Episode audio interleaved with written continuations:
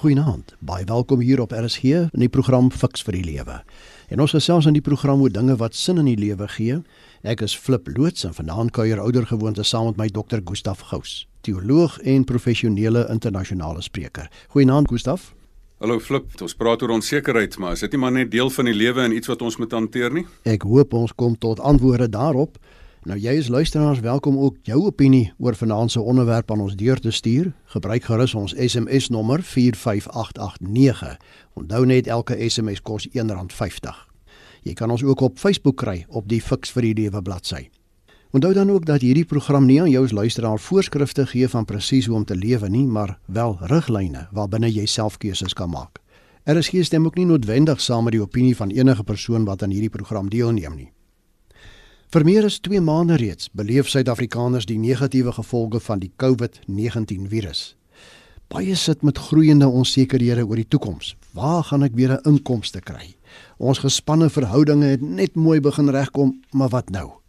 Gaan ons kerkdienste en my geloofslewe verander? Wat lê polities vir ons voor? En ons kinders op skool, is daar vir hulle 'n toekoms? Fiks vir die lewe fokus vanaand op mense se onsekerhede. Gustaf Daar is mense wat beweer dat die COVID-19 virus die virus van onsekerheid genoem kan word. Is daar meriete in hierdie opmerking? Ek dink dit is 100% waar dat dit groot onsekerheid geskep het want daar kom 'n tyd in die wêreldgeskiedenis dat die toekoms nie meer is soos hy was nie.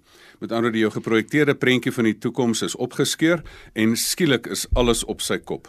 Dan moet 'n mens alles herbedink. Jy moet besluit nou hoe gaan ek myself herontwerp? Hoe gaan ek my huwelik anders hanteer? Hoe gaan ek anders kerk gaan? Hoe gaan ek anders skool hou en dies meer? Dit is baie interessant dat verskillende persoonlikhede hou minder van onsekerheid. Jy kry sekere persoonlikhede wat verskriklik hulle sekerhede van hou. En dan kry jy nou ander persoonlikhede wat eintlik floreer op hierdie onsekerhede. So mense kry mense wat floreer en dan ander mense wat verbouereerd raak in die situasie. Maar feit van die saak is, die onsekerheid is hier en ons moet dit hanteer. Dit alles is nogal bo op die gewone onsekerheid wat in elk geval ingebou is in die lewe. Want die besluite wat ons moet neem, ons weet nie wat nou om te doen nie en ons weet nie wat of hoe nie. Dit was al reeds voor die virus was daardie onsekerheid wat in elk geval ingebou is in die lewe ook al reeds daar. Watter soort onsekerhede beleef mense tans in Suid-Afrika, Gustaf? Ek wil dit in 3 groot kategorieë indeel. Jy kry die normale menslike onsekerheid wat ingebou is in die lewe, naamlik dat jy iets van jou lewe moet maak. Weet jy, almal van ons word oopgebore soos 'n skoon vel papier en jy moet iets van jou lewe maak aan die einde van jou lewe iets wys en daarom moet jy verskriklik baie besluite neem. Jy moet besluit nou maar watse werk gaan ek doen en saam met wie gaan ek dit doen en wie gaan my huweliksmaat wees en wie gaan my besigheidsmaat wees en op wie gaan ek myself modelleer? Wie gaan vormgee my lewe? So al daai groot besluite was in elk geval deel van ons algemene lewensonsekerheid en alles berus op jou identiteit want want as jy nie mooi 100% seker wie jy is nie, dan weet jy ook nie wat jy moet doen of saam met wie jy moet doen nie. Dit is die een groot stuk onsekerheid wat daar is. Maar dan sou daar 'n ander interessante stuk onsekerheid. Hierdie onsekerheid was al al die eeue daar, maar die 21ste eeu en die 20ste eeu het vir ons 'n tweede groot onsekerheid gebring en dit is hoe oorleef mens in 'n baie vinnig veranderende wêreld. Want in hierdie tyd en hierdie eeu, laaste vorige eeu en hierdie eeu het ons die kennisontploffing beleef. Ons het die tegnologie ontploffing beleef. Dan is daai groot vraag dat waar die geskiedenis voorspelbaar was, waar jy die toekoms nog kon voorspel deur 'n projeksie te kyk hoe die verlede was en dan projekteer dit in die toekoms in. Was daar nou 'n groot nuwe ding wat hulle noem entropie en dit is die gebrek aan orde en die gebrek aan voorspelbaarheid. So dit het ons al lank voor die virus het ons al hiermee te doen gehad en daar is toe nou al gelukkig al baie mense wat daaroor geskryf het en daaroor iets gedoen het. Maar dan verder was dan dan basies nou ook die corona, kom ons noem dit nou maar krisisonsekerheid. En dit is hoe oorleef en floreer 'n mens nie net in 'n vinnig veranderende wêreld nie, in 'n baie vinnig veranderende wêreld waar daar dan nou skielik gesondheidsonsekerheid gekom het en ekonomiese onsekerheid en emosionele onsekerheid en radikale angs. Dit is dan die groot onsekerheid. Mense kan dit amper oorlog onsekerheid noem wat dan half die wêreld getref het. Gustav, kom ons praat so 'n bietjie oor die kenmerke van onsekerheid dat mense nou nie sal dink dat dit dalk twyfel is of ongeloof of onrustigheid of is dit al hierdie goed saam? As ons praat oor onsekerheid, moet ons praat oor twee konsepte. En die een konsep is voorspelbaarheid en die ander een is vloeibaarheid. Dit is nogal interessant dat mense nou so daar praat oor veral hierdie kwessie van vloeibaarheid. Met voorspelbaarheid is alles vas. Jy weet presies wat waar wanneer gebeur. Jy's met bekende feite en met 'n bekende omgewing besig. Maar onsekerheid het te doen met nuwe feite wat op die tafel gekom het. Dit het te doen met 'n nuwe omgewing. Dit het te doen met nuwe besluite wat jy moet neem. Moet ek die kant toe gaan of moet ek daai kant toe gaan? So dit is 'n terrein waarvoor jy nie 'n kaart het nie. Dan is dit nogal dat jy veral moet besluit oor nuwe aksies. En dit is vir my baie interessant dat hierdie onsekerheid, party mense het die pad en party mense het nie die pad nie. Interessant genoeg is daar party mense wat dan juis geen nie om of die onsekerheid daar is nie, dat hulle maak die pad terwyl hulle hom loop. Ek dink aan 'n vriend van my, wie van julle sal so braaf wees dat as jy jou witte brood hou dat jy in die eiland Terra del Fuego invlieg en dan vir 10 dae in die onbekende inloop en 10 dae terugloop en dis jou witte brood. Daar's min mense wat daai, kom ons noem dit nou maar, hulle vra vir hierdie onsekerheid. En daar's nie eers gastehuise nie, dit is met tentjies en kamp. Maar ander mense beplan nou al hulle vakansie wat hulle hopelik in Desember gaan hê. Party mense soek hierdie totale sekerheid en ander mense gee nie om daaroor nie. Die persoon wat die totale sekerheid soek, wil al die feite op die tafel hê, wil presies voorspelbare omgewing hê en wil hê my besluite moet nie my verras nie. Ander mense sê ek het nie 'n saak daarmee nie. Ek wil eintlik hierdie onsekerheid soek. Hoe menslik is dit Gustaf om onseker te wees oor dinge? Jy kan tog seker nie oor alles seker wees nie. Natuurlik is dit deel, is dit ingebou in ons menswees. Aan die ander kant, elke mens het eintlik die onherroepelike reg om of 'n sukses of 'n mislukking van hulle lewens te maak. En daai deel van die menswees is daai normale onsekerheid van hoe moet ek iets maak van my lewe? Die eerste stukkie sekerheid wat jy nodig het is identiteit. As jy identiteitsonsekerheid het, is jy redelik geboks in die lewe, want dan weet jy nie wat se werk by jou moet pas nie. As jy nie jou talente eers besef nie, dan weet jy nie wat jy moet doen nie. En as jy ook nie weet wie wie jy is nie, kan jy ook nie mense kies wat by jou pas nie. Onsekerheid is glad nie 'n slegte ding nie. Dit is juis ook die basiese groei van menswees want jy soek juis die onsekerheid van vastigheid dan weer onvastigheid en dan groei jy op 'n hoër vlak. Dit is hoe die menswees groei en nie net met 'n klipkop wat jy net probeer bly soos wat jy is heeltyd nie. Dit is RSG met die program Fix vir die Lewe. Ons gesels vanaand oor help ek is onseker oor die toekoms.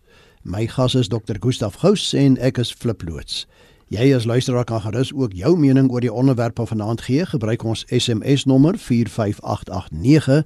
Onthou net elke SMS kos R1.50. Gustav, as ons nou so oor onsekerheid praat, tot watter mate kan my onsekerheid ander om my ook onseker en negatief maak? Natuurlik het dit 'n invloed op ander mense, maar dit is baie interessant dat mense onsekerheid het baie keer met leierskap te doen, want 'n leier weet dat die mense wat hy in 'n rigting moet lei in 'n onbekende toekoms in, want wat is tog die hele kwessie van leierskap? Jy weet nie wat die toekoms is nie, die leierskap sien 'n prentjie uit 'n visie, hy het 'n proses om daarby uit te kom en hy bemagtig jou om self daarby uit te kom. 'n Leier met ander woorde ook die onsekerheid bestuur en dit is die ding wat ek in Suid-Afrika sien. Leierskap is bietjie gebrekkig dat mense nie nie noodwendig 100% hierdie onsekerheid in hulle self bestuur nie. Hoe stel jy vir mense wat regtig 'n groot behoefte het aan sekerheid, gee vir hulle 'n stukkie sekerheid? Nou ek het 'n ou tegniek wat ek daarvoor gebruik. Ek verklaar altyd kategories of ek sê altyd met sekerheid stel ek dat anders onseker is. En dan voel die mense wat die lewe is minstens voorspelbaar in die feit dat alles gaan verander wat mense ook moet weet, daar's party mense wat regtig sekerheid nodig het. Hulle wil die pad hê, hulle wil elke treukie uitgestippel hê. Maar daar's regtig ook ander mense wat sê ag, weet jy wat, jy kan vir my maar die werkie gee.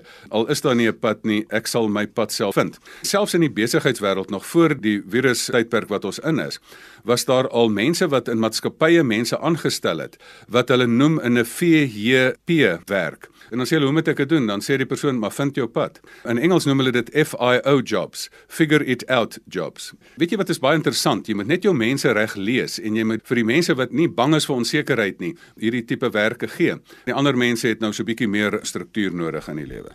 Sou jy sê daar's 'n verband tussen onsekerheid aan die een kant en vertroue aan die ander kant? Natuurlik en as ons van vertroue praat, nommer 1 is dit vertrou jy jouself of die nommer 2 vertrou jy ander mense. Die hele kwessie van om jouself te vertrou. Onsekerheid het 100% te doen met jou gevoel van kan ek hierdie ding hanteer? as jy 'n diep interne houding in jou hart het van ag weet jy wat, die lewe is onseker, maar wat ook al in my rigting kom, ek weet nie hoe nie, maar ek gaan die pad vind. Dit is mos 'n totaal ander vertrekpunt as 'n persoon wat sê nee, ek kan niks doen nie want niks is meer voorspelbaar nie en nou is ek heeltemal daarmee heen. Die ander ding is dat mense ander mense nie vertrou nie. Ek wil selfs die Bybel sê moet op prinses nie vertrou nie. As jy jou vertroue in ander mense stel, dan gaan jy nou maar altyd teleurgesteld wees. Ek wil dit opsom. Die vertroue lê basies in drie goeters en ek noem dit die kwessie van houding, die kwessie van vaardighede en die kwessie van aksie. Ek kan nou natuurlik die houdinge en ingesteldheid hê dat dit wonderlik sal wees. Weet jy, ek sal enige ding kan hanteer, maar as ek nie my vaardigheid verhoog nie, dan gaan ek natuurlik myself in 'n bloedneus inloop.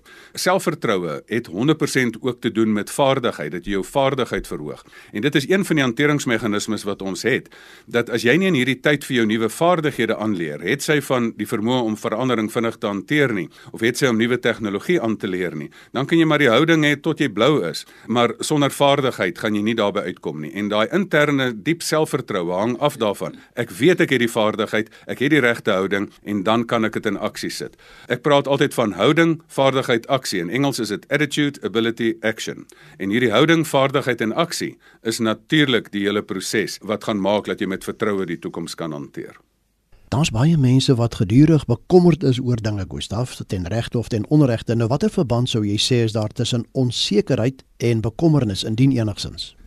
Ek dink bekommernis is daai ding wat jy jou kar se engine wil laat loop met jy trap die koppelaar. So die engine loop, maar daar's geen traksie wat die kar vorentoe vat nie. Bekommernis is daai ding wat jy jou geesteskrag en kapasiteit gebruik om energie te mors. Ek noem dit 'n wiegstoel. Jy beweeg vorentoe en agtertoe, maar jy gaan nêrens heen nie. Die Engelse het hierdie perdjies. Hulle baie keer so 'n perdjie het wat dan so op so 'n houtstellasietjie is. 'n Rocking horse noem hulle dit. Jy ry daai perd, maar hy gaan nêrens heen nie. En dit is presies wat bekommernis is. Dit is presies wat bekommernis met jou doen. Jy is besig en ek hou van die Engelse woordspeling. You're either a warrior or a warrior. 'n Warrior met 'n o is iemand wat heeltyd net jou op self bekommer en worry of jy's 'n warrior wat dan iemand die stryd aansê. Natuurlik, nadenke is daar niks meer fout nie, maar bekommernis is om in jou eie gedagtes uit die beskikbare feite uit dalk te min feite 'n gogga te bou en te skrik vir die gogga wat jy self in jou eie gedagtes gebou het. Dit is wat mense hulle lakens laat knoop in die nagte en 'n nat sweet laat uitslaan. Mark Twain het gesê dat 80% van die goed waaroor jy jouself bekommer, word in elk geval nooit waar nie. So dit is eintlik 'n totale mors van tyd. Kom ons raak prakties, Gustaf. Dis tog die hele doel van Fix vir die lewe, nê? Nee. Wat kan ek maak met my onsekerhede? Is daar maniere om dit te hanteer? Is daar praktiese riglyne? Natuurlik is daar praktiese riglyne. Jou praktiese riglyne kom as op al drie daai terreine wat ons van gesê het, van jou normale menslike onsekerheid wat jy moet vormgee aan jou lewe en dan die 21ste eeu se vinnige verandering en dan die krisis baie baie vinnige verandering. So op al drie van hierdie terreine is daar maniere om jou onsekerheid te hanteer. As jy in die gewone lewe jou lewensbesluite moet neem, wat ek dan in die veld speel van sogenaamde lewensafrigting. Die grootste probleem is mense het nie 'n rigting in die lewe nie, hulle is onseker want hulle het nie 'n einddoel nie. As jy die sogenaamde GPS'e van ons selfone probeer gebruik, dan het jy 'n duidelike beginpunt, jy het 'n duidelike uitpunt en jy het 'n duidelike roete nodig. En daarom is deel van lewensafrigting om vir mense nie net implementering te doen nie, maar jy moet eers kristallisering doen. So jy moet duidelik sê wat wil ek in die lewe bereik? Jy moet vir mense 'n lewensdoel kry, jy moet vir mense 'n prentjie kry.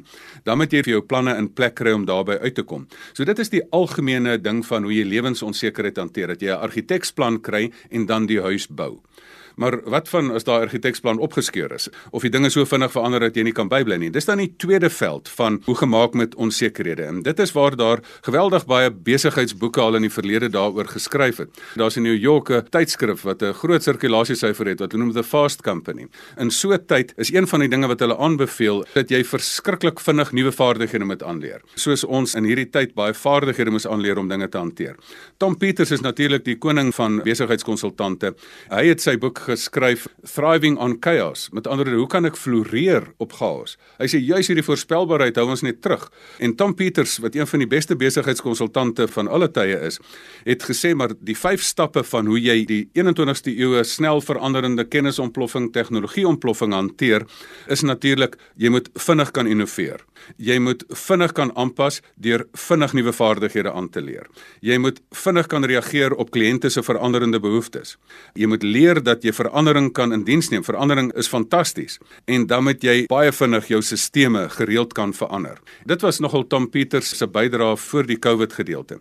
Maar as ons nou 'n model gaan soek hoe om hierdie virustyd wat 'n verskriklike vinnig veranderende tyd is te hanteer, Dan moet ons dit in 'n nuwe wêreld miskien gaan soek. Daar was 'n legendariese ou vegvlieënier van jare terug en in 'n oorlogssituasie soos as jy soos 'n vegvlieënier in 'n vegvliegtuig vinnig daar kom 'n krisis op jou af en nou moet jy vir oorlewing veg. Moet ons miskien daai ritme gaan soek oor wat hy voorgestel het oor hoe jy hierdie dinge kan hanteer. Dit klink vir my baie interessant. Vertel vir ons wat het hy voorgestel? Die kerel se naam was John Boyd en baie van die Amerikaanse sogenaamde vegvlieënier opleidingssentrums wat hulle nou sogenaamd noem Top Gun is geskoei op sy manier want hy het hoeveel situasies gehad wat hy in betrokke was en hy het almal van hulle oorleef en hy was met ander die mees suksesvolle vegvlieënier wat mense beskou van alle tye. En hy het daar 'n baie interessante metode gesê. Hy het gesê, weet jy, as jy in so 'n situasie is, moet jy vinnig observeer wat aangaan. Hier kom 'n ander vliegtyg vinnig op jou af of nou virus is of 'n vliegtyg of 'n snel veranderende situasie. So jy moet weet wat is aan die gebeur. Dan moet jy jou vinnig oriënteer is waar is ek? dan moet jy in 'n split sekonde 'n besluit neem of jy is dood en dan moet jy aksie neem. Nou hierdie model is so van toepassing. Want onthou hier moes die regeringsleiers moes verskriklik vinnig, wat is aan die gang? O genade, hier is 'n virus. Waar is ons? Nee, ons is nou nog nie in die situasie waar ons nou in 'n land is wat onmiddellik blootgestel is nie. Ons is in die suidpunt van Afrika waar ook al. Nou moet ons vinnige besluit neem. En as jy jou besluit verkeerd geneem het, moet jy weet om hom te verander. As jy in mis sit, in die mis trek toe, dan is daar die ou bergklimreël, jy gaan sit stil anders loop jy oor 'n kraan. So die eerste ding is jou besluit is ek sit stil vir 'n oomblik. En dit was die sogenaamde Grendelstaat of lockdown. Maar dan moet jy besef, maar luister, hier gaan ons nou doodgaan van die koue of doodgaan van die honger of die ekonomie gaan nou doodgaan. Dan moet jy vinnig ook weer van besluit verander. 'n Vegvlieënier gaan mos nie net in een rigting nie, hy gaan vinnig in een rigting en dan gaan hy vinnig in 'n ander rigting. Wat my bekommernis is, is die tyd waarin ons leef is dat mense so nou verknog raak aan die nuwe paradigma dat hulle nie vinnig weer kan ook in 'n nuwe besluitnemingsstaat kan ingaan nie en aksie kan neem nie. As jy nou vra hoe mense dit moet hanteer, wil ek dit opstel in 'n basiese weer eens daai trilogie van houding, vermoë, aksie. Die houding wat 'n mens moet in hê as jy dan verandering wil hanteer, is jy moet sê eintlik is verandering fantasties. Dankie tog. Ons sit hier in 'n tyd wat ons soveel nuwe geleenthede voor ons gaan oopgaan. Dan moet jy dit ook 'n geloofshouding maak. Selfs Corrie ten Boom het gesê, jy moet nie skaam wees om 'n onbekende toekoms toe te vertrou aan 'n bekende God nie iemand wat 'n oorlogssituasie oorleef het en wat al daai onsekerheid moet oorleef het. So dit is dan wat jy 'n sielkundige en 'n geloofshouding aanneem. Maar dan moet jy begin om jou vermoed. Een van die dinge wat John Boyd ook sê, is jy moet 'n oorkoepelende doel kry. Hy het so 'n Duitse woord daarvoor, Schwerpunkt. En daai Duitse woord is jy moet sê wat is my oorkoepelende doel? Ons wil dit bereik. Dan moet jy die mense toelaat om kreatief daarbey uit te kom. As jy vir persoon sê ons moet die mense dien, dan moet jy nie jou mense bind met regulasies nie. Jy sê ons het die teiken, nou kan jy op watter roete dit ook al bereik. As jy dan observeer en oriënteer. Ons belangrike ding is ons moet nou so baie inligting kry. Ons moet niks miskyk nie. Ons moet nou nie staan in fop nuus lees hier nie. Ons moet nou self ons observeer. Hier is die situasie. Wat is dit? Ons moet al die feite besif en daarna kyk. Jy wat is ons groot fout? Ons kyk nie met 'n geïntegreerde denke na die situasie nie. Die situasie het 'n gesondheidsaspek, 'n ekonomiese aspek, het 'n emosionele aspek met angs, het 'n geestelike aspek, het 'n ekologiese aspek. En as ons al die kompleksiteite observeer en onsself oriënteer daar en al die spesialiste, nie net die dokters nie, maar ook die ekonome en ook die emosionele intelligensie spesialiste of sielkundiges, moet ons ook raadpleeg oor wat se effek het dit. Dan moet ons 'n vinnige besluit neem oor hoe ons dit moet doen. Want as jy besef dat jou kliënte in 'n reuse angs is en jy hanteer nie hulle angs nie, kan jy al die gesondheidsreëltjies toepas, maar jy moet daai ding in ag neem anders gaan hulle nooit tot 'n besigheidsbesluit kom om weer met jou besigheid te doen nie. Dan sal ons na na 'n vinnige besluit vinnig vaardighede moet aanleer. Hoeveel van ons, ek self, moes aanleer om op internet met ons skielik van 'n publieke motiveringspraatjie vir 'n maatskappy 'n sessie te doen oor die internet, 'n Zoom sessie te doen. Jy moes vinnig die tegnologie aanleer van al die platforms wat dit so kan doen. En dan die laaste ding is, as jy dit dan in aksie sit, as jy die totale kompleksiteit het, moet jy met 'n totale prentjie kom om die situasie te hanteer. Jy gaan op 'n heel nuwe manier op elke vlak sal jy dinge anders moet hanteer. Dit is RSG met die program Fix vir die Lewe. Ons gesels vanaand oor help ek is onseker oor die toekoms. Ek is Flip Loots en my gas is Dr. Gustaf Gous. En jy's luisteraar kan vir ons ook jou mening oor die onderwerp van vanaand gee. Gebruik ons SMS nommer 45889. Onthou net die SMS se kos elkeen R1.50. Gustaf, ons het nou lekker geluister na die riglyne wat jy gegee het, maar hoe beïnvloed onsekerheid te mense uitkyk op die toekoms? Ek dink dit is net my andersom. Jou uitkyk beïnvloed baie keer jou onsekerheid. Want as jou uitkyk is ek kan en ek gaan, dan is die onsekerheid minder. Daarom dink ek fokus meer op jou houding as op die onsekerheid self. As jy nou kyk na hierdie situasie waarin ons sit, waar baie mense nou angs het, onsekerheid oor die toekoms, Dink jy dit bied ook geleenthede vir vernuwing en vooruitgang? Natuurlik is daar fantastiese geleenthede. Ons weet almal dat die Tweede Wêreldoorlog van die meeste, kom ons noem dit nou maar, nuwe uitvindings na vore gebring het. So daar is soveel geleenthede wat hier gaan gebeur. Ek dink daar gaan 'n kreatiwiteitsontploffing wees na hierdie situasie. Weereens om te verwys na Tom Peters, een van sy beste boeke van alle tye was die boek Reimagine. In Tom Peters se boek Reimagine het hy gesê maar mens moet jouself heeltyd vernuwe. As jy dink dieselfde manier wat jy in die verlede dinge gedoen het, gaan nou in die toekoms werk, dan is jy nie heeltemal by nie. Die lekker veranderinge wat nou kan voorlê. Jy kan jouself ontwerp, jy kan jou lewe ontwerp, jy kan jou besigheidsprosesse ontwerp.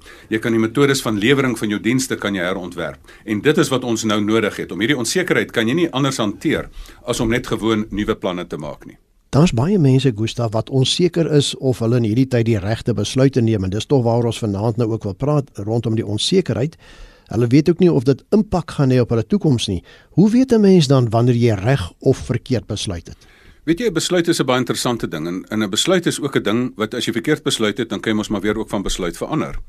Die ding wat ek meestal raak sien wat eintlik die groter probleem is, is 'n stuk passiwiteit. Ek sien dit nogal by sommige skole, ek sien dit by baie selfs kerke en dominees en kerkleiers raak. Ek sien dit by ekonomiese leiers raak dat mense sit en hulle so onseker dat hulle nie tot 'n besluit kan kom nie.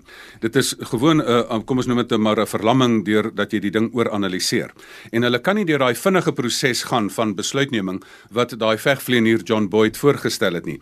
Dat jy baie vinnig jouself moet kan oriënteer, baie vinnig die geleentheid raak sien En as jy oorkoepelend daai wat hulle noem swerpunt in gedagte het, daai oorkoepelende doel in ag in gedagte het, dan is dit mos nie moeilik om jouself aan te pas daarbey nie.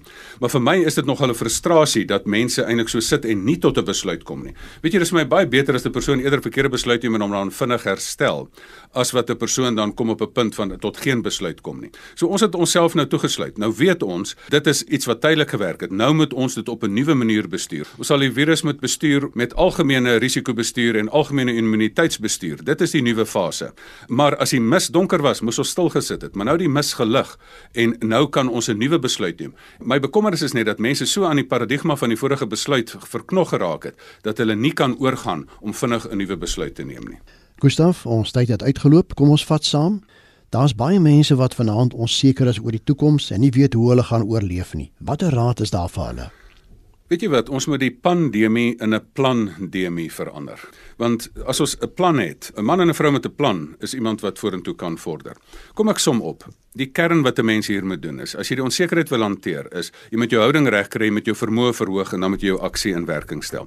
Die houding moet wees 'n basiese geloofshouding en 'n basiese sielkundige verhouding van ek kan en ek gaan en ek staan nie alleen nie, die Here is met my. Die volgende een is, dan moet jy jou baie duidelik weet, wat is jou doel wat jy bereik? Jy moet observeer waar jy is, jy moet weet waar is die gevaar en jy moet 'n geïntegreerde denke hê. Jy moet helder alles in ag neem. Jy moet die gesondheidsaspekte, die ekonomiese aspekte, die emosionele aspekte, die geestelike en ekologiese aspekte. Want ons allerhande nuwe teorieë wat sê dat lugbesoedeling het baie te doen ook met die oordrag van die virus. So jy moet al hierdie nuwe feite moet jy in ag neem. En dan moet jy met al die kompleksiteite moet jy alle spesialiste raadpleeg. En daar wil ek ook vir mense sê, moenie skaam wees om dan hulp te vra nie. Hier is die tyd wat jy dan moet hulp vra van het sy watter konsultant ook al dat jy kan opklaar ervaring kry met feite en dat jy dan letterlik jou doel kan kristalliseer en dan as jy die doel gekristalliseer het weer kreatief op 'n nuwe manier dat jy dit dan implementeer. So as 'n mens dan dit reg gekry het en jy besluit dit is die nuwe roete wat jy gaan volg en dan moet jy gaan sit en sê wat is die nuwe vaardighede wat ek moet aanleer.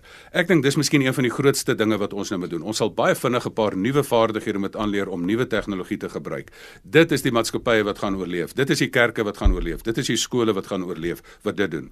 En dan as jy met hierdie totale reaksie wat al die kompleksiteite in ag neem, nie verlam is daardeur nie, maar 'n vinnige besluit neem. Raai wat, dan gaan jy beter afvuur wees. Jy gaan 'n meer effektiewe skool wees. Jy gaan 'n meer funksionele kerk wees. Jy gaan 'n meer winsgewende besigheid wees.